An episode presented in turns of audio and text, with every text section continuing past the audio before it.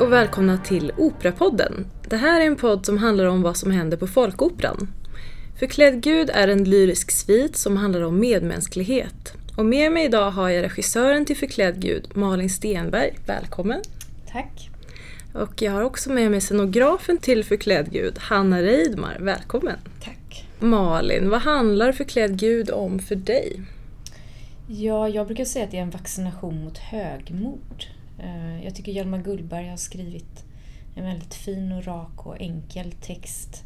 Man låter kön, sexualitet, etnicitet, ålder lägga sig framför och gör att man drar snabba förutfattade meningar så eh, missar man möjligheten till ett mänskligt möte. Eh, Malin, har du lust att berätta lite om din tolkning av verket? Eh, ja, eh, vi har ju utgått ifrån eh, inledningsfrasen som Hjalmar Gullberg skrev, ej för de starka i världen men för de svaga. Och det här verket kan man väl säga är nästan i linje med vad något som man skulle kunna kalla folkoperans tradition att sätta upp körverk och blanda med amatörer på scenen. Att föra in ohörda röster och gestalter på scengolvet. Historier som kanske inte berättas så ofta här idag. Så då har vi tagit samman eh, själva kärnan i Hjalmar Gullbergs text som kretsar just kring empati och medmänsklighet och tittat på vilken är en av de svagare grupperna i Sverige idag? Vilka är en av de utsatta grupperna här just nu? Och då kan man ju säga att EU-medborgarna eh, på våra gator som kanske har flytt rasism och förföljelse i sina hemländer är en av de mest utsatta grupperna. Mm. Jag har blivit så tagen av och fylld med respekt över deras blick på livet och deras värme och humor och generositet och um, fylld av deras historier och deras nyfikenhet gentemot min sida. Så att det har verkligen varit överväldigande. Det har ju varit mm, intensivt och omvälvande i olika, på olika plan eh, privat men också nu när vi har börjat mötas på scenen, våra fyra amatörkörer, tre recitatörer, en dragspelsvirtuos, Leronika, vokalensemblen och då våra tolv statister. Så att det har varit mycket folk i omlopp på scenen men också verkligen att vi via verkets kärna även hamnat där i vår process tycker jag. Det har varit eh, ett enormt intensivt mänskligt möte som har skapat föreställningen. Eh, Hanna, har du lust att berätta lite om scenografin i verket? Ja, ja vi, det är ju väldigt dokumentärt mycket av vårt eh, arbete. Och eh, därför har vi också valt att inte jobba så mycket med för mycket fiktion. Alltså rent, vi har jobbat mycket med film och både som intervjumaterial och med våra statister. Och um, så har vi ett parti som vi har filmat en flicka som går genom Stockholms stad. Och det är de här miljöbilderna som vi har jobbat mycket med. Eh, och även stämningar med ljus och så har vi väldigt mycket folk på scenen. Det är så himla mycket körer och solister. Och, så det blir också en del av eh, rummet. Hur gick det till när ni filmade det här med Tina Tomic? Ja, eh, vi har ju utgått då ifrån texten i Förklädd Gud som kretsar kring Apollon eh, som är en gud som blir dömd att åka ner till jorden ett år och tjänstgöra som dräng i ett stall. Och där har Hjalmar Gullberg valt en väldigt utsatt position i sagans värld att jobba som dräng och att det bara är djuren i stallet som förstår att han är en förklädd gud. Människorna runt honom gör inte det.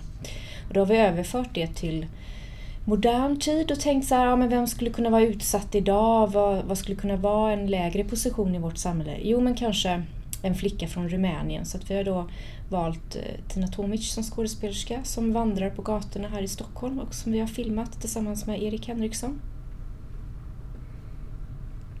Eh, hur gick det till när ni arbetade dokumentärt med Förklädd Gud?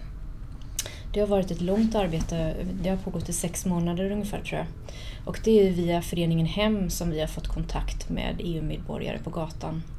Och det är via Monica Shaker som arbetar på den här föreningen som är eh, en volontärförening som tar kontakt med människor i nöd eh, som kanske behöver hjälp med polis eller tandläkare eller bara vanliga vardagsgrejer.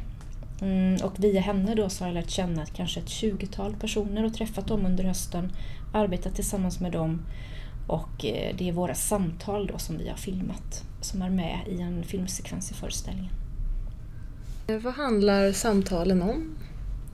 Eh, de kretsar kring väldigt allmänmänskliga frågeställningar. Vi ville krypa nära och hitta beröringspunkter som varje människa bär på.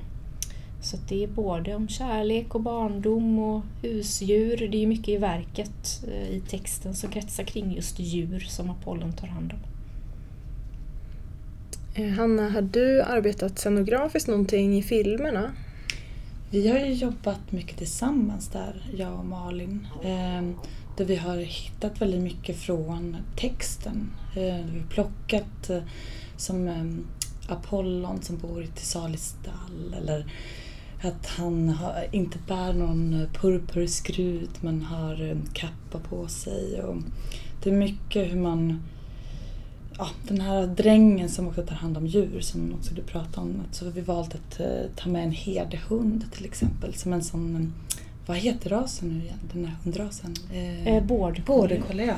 En sån vallhund som eh, förföljer eh, våran flicka som går, springer efter i hennes fotspår. För det är bara djuren som ser att eh, Apollon är en gud, eller den här förklädda herden är gud. Och därför så vill vi spegla det med den här flickan och den här hunden som springer. Hur hoppas du att eh, slutresultatet blir på scenen? Oj. Jag hoppas ju på något sätt att det som en det som, att det kan bli ett möte även med publiken. Att det, fin, att det kommer så pass långt fram så att det... Ja, det hoppas jag. Att det kan bli en slags mötesplats på något vis. Eh, med det som sker på scen och vår publik. Malin, eh, vad hoppas du att publiken ska ta med sig efter att ha sett Förklädd Gud?